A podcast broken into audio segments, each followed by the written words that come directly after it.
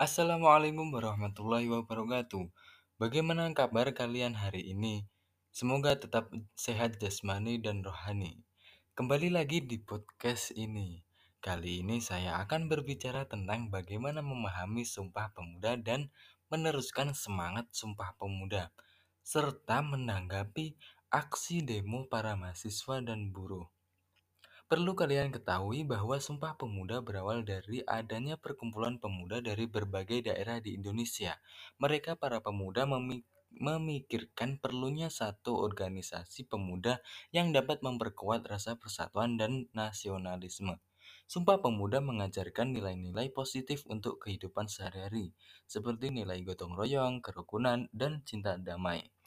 Peristiwa Sumpah Pemuda menjadikan bahasa Indonesia sebagai bahasa persatuan bahasa persatuan bangsa juga menjadi bahasa resmi yang telah ditetapkan dalam Undang-Undang Dasar 1945. Kita sebagai generasi penerus masa depan juga harus menjunjung tinggi nilai dari Sumpah Pemuda misalnya dengan saling bertoleransi antar sesama, juga dalam menggunakan bahasa Indonesia, kita harus berbahasa yang baik. Dalam berteknologi atau bermain medsos, juga memperhatikan bahasa yang baik, misalnya dengan berkomentar dengan perkataan yang tidak menjinggung atau menyakiti hati perasaan orang lain. Menanggapi aksi demo oleh mahasiswa dan para buruh.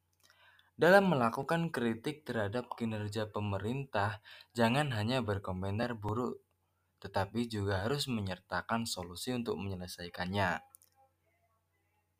Menyuarakan komentar, pendapat, atau aspirasi tidak hanya dilakukan dengan demo saja, melainkan dengan cara yang lebih efektif, misalnya dengan membuat karya musik atau dengan karya seni lainnya. Cukup itu dari saya. Terima kasih telah mendengarkan podcast ini. Semoga bermanfaat. Sekian dan sampai jumpa.